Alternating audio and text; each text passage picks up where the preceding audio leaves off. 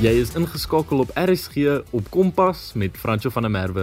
Vanaand praat ons met 'n gas van die WKOD, die vakadviseur vir lewensoriëntering, Colin Green. Ek is Franco van der Merwe. Goeienaand en welkom op Kompas. Julle saam met my vir die volgende halfuur waar ons meer vertel oor lewensoriëntering en die belangrikheid daarvan in 'n leier se lewe. Het julle dalk enige interessante stories wat met julle gebeur het tydens 'n fisiese elboperiode? Julle kan dit met ons deel en aanstuur op 45889. SMS kos slegs R1.50 of tweet ons by @ZARSG. Vind ons ook op DStv se audio kanaal 813. Ons praat volgende met Colin Green. Jy luister na Kompas op RSG. Hallo Colin Green, kan jy kortliks vir ons 'n bietjie meer van jouself vertel? Ja, ek is 'n uh, vakadviseur vir lewensoriëntering in die Weskaap Onderwysdepartement waar ek uh, verantwoordelik is vir die senior fase en ook dan die VWO band uh in ons skole. En dit is die grade waar ek ondersteuning verleen aan ons uh opvoeders en dan ook aan leerders Uh, ek self het natuurlik 'n hele paar jaar uh, onderwyservaring voordat ek in hierdie posisie van vakadviseur ingekom het en uh sedertdien uh is dit vir my uh 'n passie en 'n voorreg om saam met ons onderwysers en leerders in die skole te werk. Nou Colin, kan jy ons vertel wat is die agtergrond tot hierdie onderwerp waaroor ons vanaand praat? Ja, uh, die onderwerp uh, fokus op liggaamlike opvoeding. Ehm um, omdat ons dis nou uh wie kou die lewensoriëntering uh liggaamlike opvoedingskongres aan die einde van Maart 29 Maart sal hê.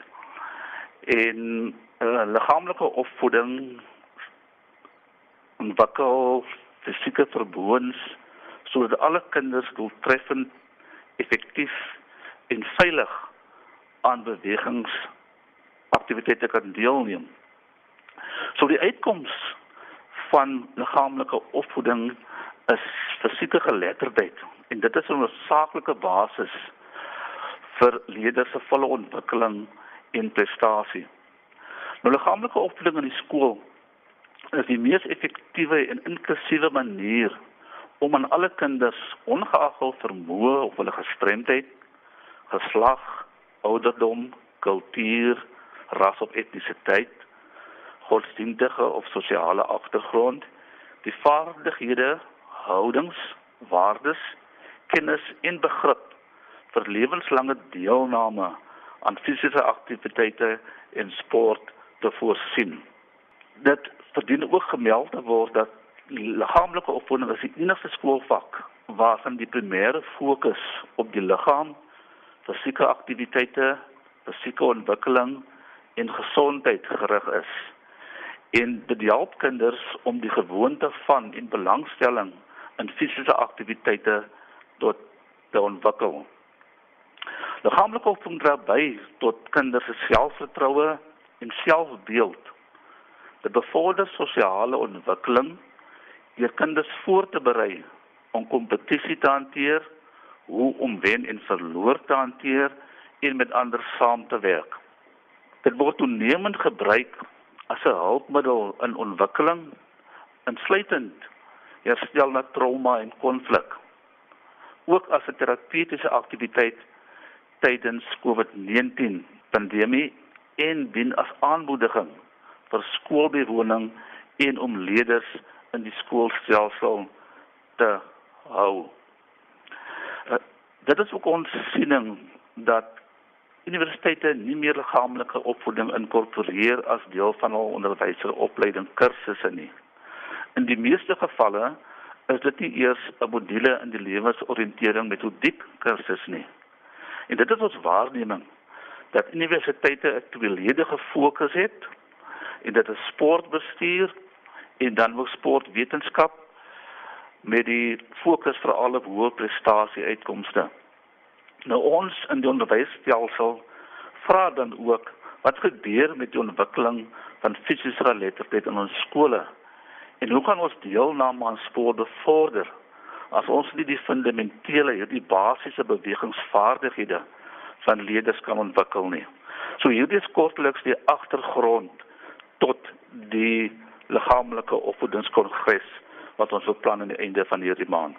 Waarom sal jy sê is liggaamlike opvoeding belangrik? Liggaamlike opvoeding, dit is die enigste skoolvak waarvan die primêre fokus op die liggaam, fisiese aktiwiteite, fisieke ontwikkeling en gesondheid is en help kinders om gewoon te raak aan fisiese aktiwiteite en om belangstelling in fisiese aktiwiteite te ontwikkel.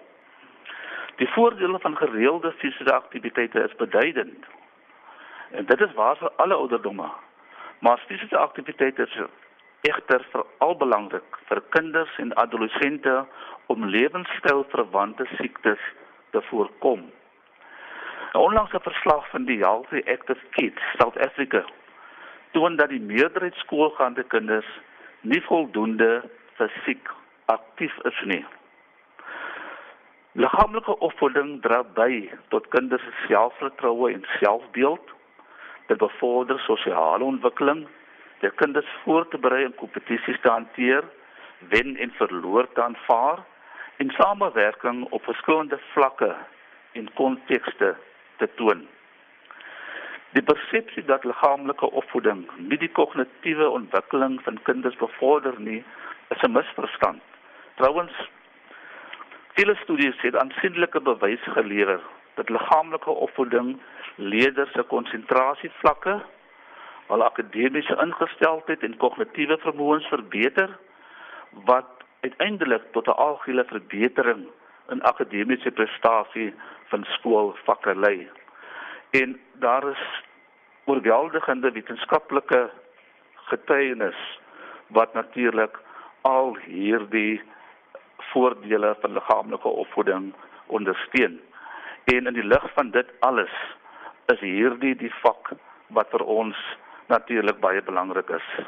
Waarom verander universiteite hul fokus met betrekking tot LO onderwyseropleiding en waarom word dit as 'n hindernis tot kwaliteit liggaamlike opvoeding onderrig gesien?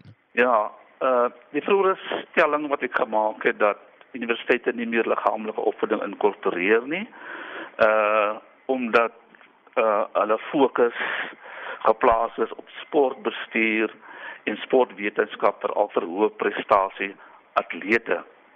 Nou as ons onderwysers deur hul voorbeeld lei en in staat is om kwaliteit onderrig in liggaamlike opvoeding te verskaf, sal dit die status en en erkenning van die vak natuurlik verhoog.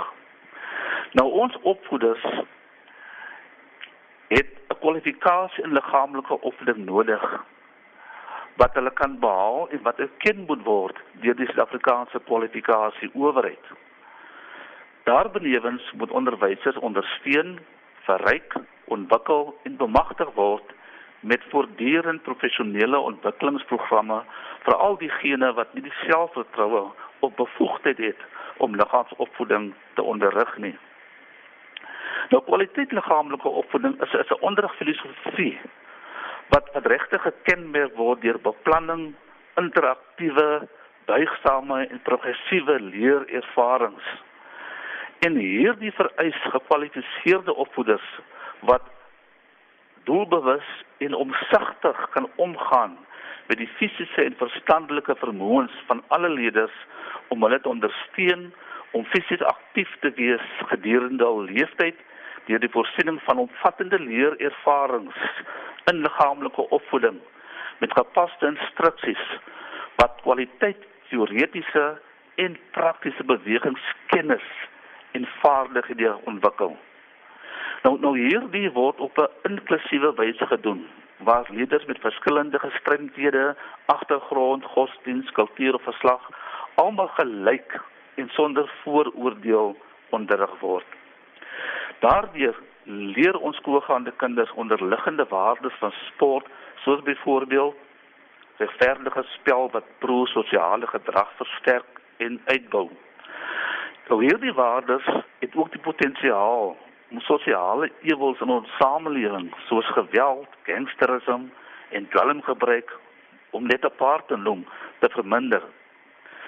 Dis wanneer aandag op hierdie wyse aan kwaliteit gegee word, dra liggaamlike opvoeding by tot die ontwikkeling van sosiale vaardighede van elke kind en versterk dit die bestaande voordelige effekte soos die positiewe assosiasie met akademiese prestasie en die groei van fisiese en geestelike vermoëns van ons leerders.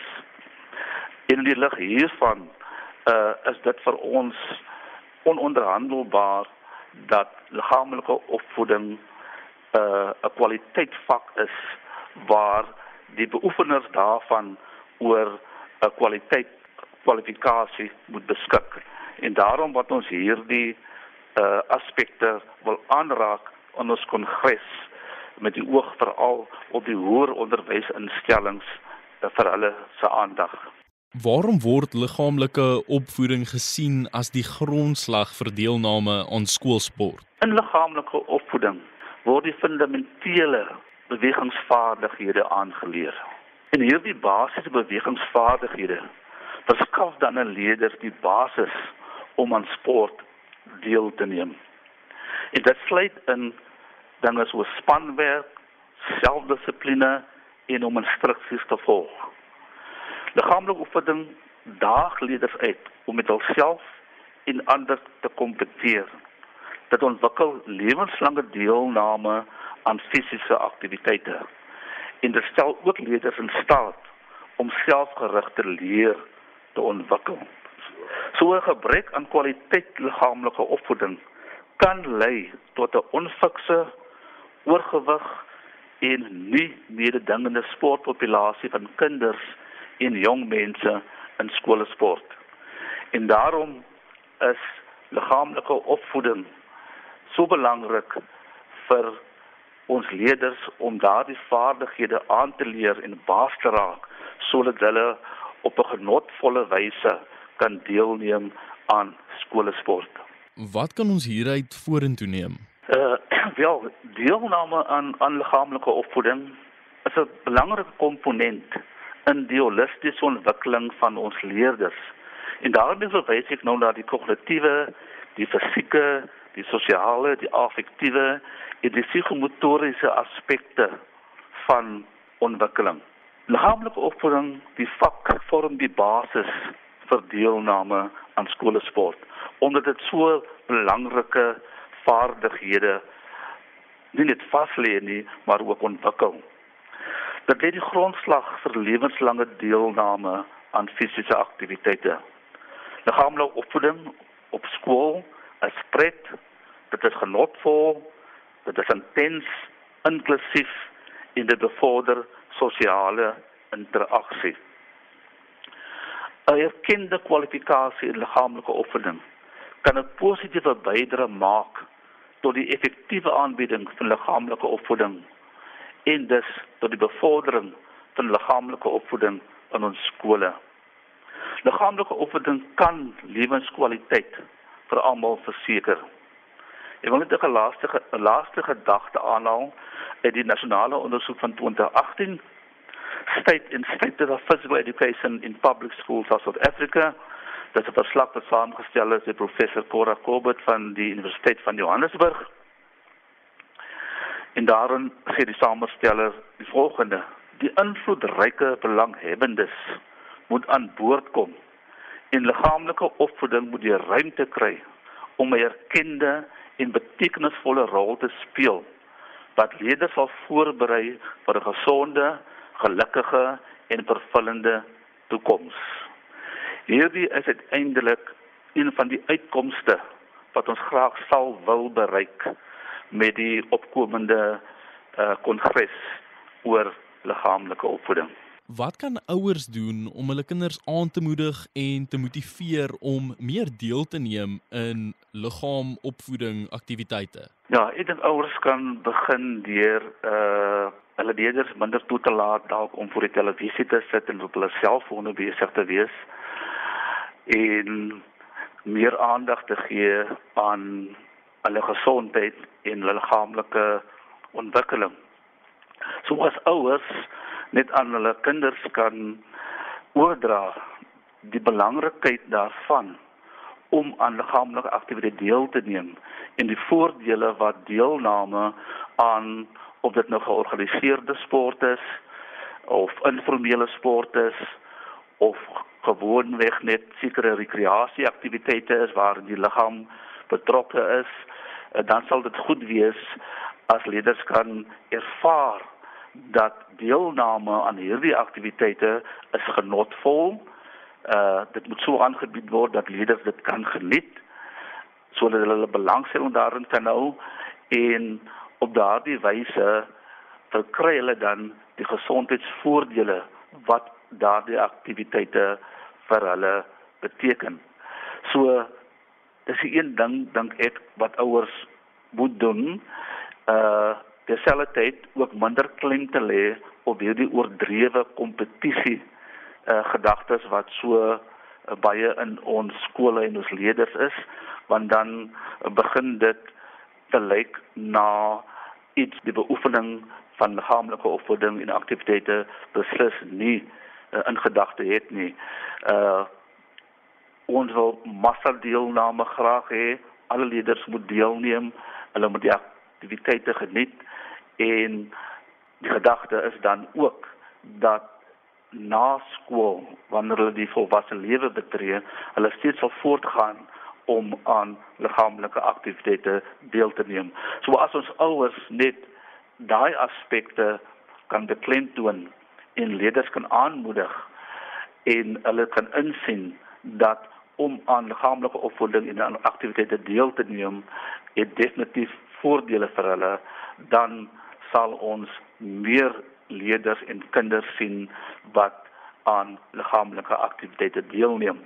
En dit sal dan ook help soos ek vroeër verwys het na die verslag van die Active Kids dat meer van ons leerderpopulasie liggaamlik aktief kan wees en die voordele van deelname aan liggaamlike aktiwiteite kan geniet. Onnies op skool het sekerlik 'n paar hindernisse wat teekom wanneer hulle nou liggaamlike opvoeding probeer leer en toepas by leerders. Wat sal jy sê is van hierdie hindernisse en hoe kan hulle te werk gaan om dit te vergemaklik? Ja, sekerlik daar is bepaalde hindernisse wat ons ervaar uh, wanneer ons veral skole besoek en sonder om nou te ver in die geskiedenis in te gaan uh net om die konteks van dit te skets is dat uh, ons uh in lewensoriëntering waar liggaamlike opvoeding aangebied word dit is een van die onderwerpe in die vak uh het ons uh opvoeders wat natuurlik mos nou nie opgelei is in liggaamlike opvoeding nie. Uh daarmee bedoel ek nou erkende liggaamlike opvoeding of menslike bewegingskunde kwalifikasie nie. Met die gevolg is dat daardie persone het natuurlik nou nie die genoegsame kennis en vaardighede om die vak te implementeer nie. So dit is een van die hindernisse waarmee ons te maak het. En daarom wat ek vroeër wys het na professionele ontwikkelingsprogram en opleidingssessies wat WKOD uh juis aanbied om daai probleem aan te spreek. Uh verdere hindernisse is natuurlik uh om die vak te beoefen, het skole toerusting, sportapparaat nodig om dit te kan doen. En by baie skole is dit gebrekkig. So en dit plaas natuurlik uh, druk op die opvoeders om die vak effektief te kan aanbied. Uh alle skole uh is nie befonds nie. Uh ons sien dit in verskillende skole. Sommige skole het uh apparaat vir liggaamlike opvoeding, ander het minder en ander het glad nie. Uh en dit blyk ook dat uh die skoolbestuurspanne en beheerliggame uh ook nie so groot fokus plaas op liggaamlike opvoeding in terme van die voorsiening vir fondse om se basiese apparate ek praat oor van soos se balle of opels hierdie die klein apparate aan te koop sodat dit in die liggaamlike opvoedingslesse gebruik kan word nie uh van die KWD se kant af probeer ons natuurlik ook uh met die beperkte fondse tot ons beskikking om skole in daai verband te help. Maar die ervare en die opgeleide lewer uh lewensomgewing opvoeders of die liggaamlike of kinderonderwyser uh sal gebruik maak van metodes om dit apparate vervang uh waar hulle innoverend kan dink deur self uh dinge artikels te ontwerp ons praat daarvan as improvisasie en ons het by baie skole gekom waar baie oulike uh apparate geskep en deur opvoeders ontwikkel is wat baie effektief in die liggaamlike opvoedingslesse gebruik is. Verder hindernis wat ons ervaar het is natuurlik en dit is in die stelsel. Ons praat sommer daarvan as die sistemiese houding teenoor liggaamlike opvoeding en lewensoriëntering in die breë. Die feit dat die vak nie soos ander vakke behandel word in terme van die belangrikheid daarvan nie. En ons wat beoefenaars is van hierdie vak, beskou liggaamlike opvoeding en lewensoriëntering as die belangrikste vak in die skoolkurrikulum. Omdat ons weet watter uitkomste die vak inhou en dit nie net liggaamlik nie, maar ook verstandelik tot voordeel van ons leerders is. Nou hierdie is maar 'n paar van die hindernisse wat ek nou genoem het wat op skole is. Uh baie keer uh, verskil skole se kontekste natuurlik ook en baie keer gebeur dit dat mense dieselfde hindernisse by skool A ervaar as wat jy by skool B ervaar nie.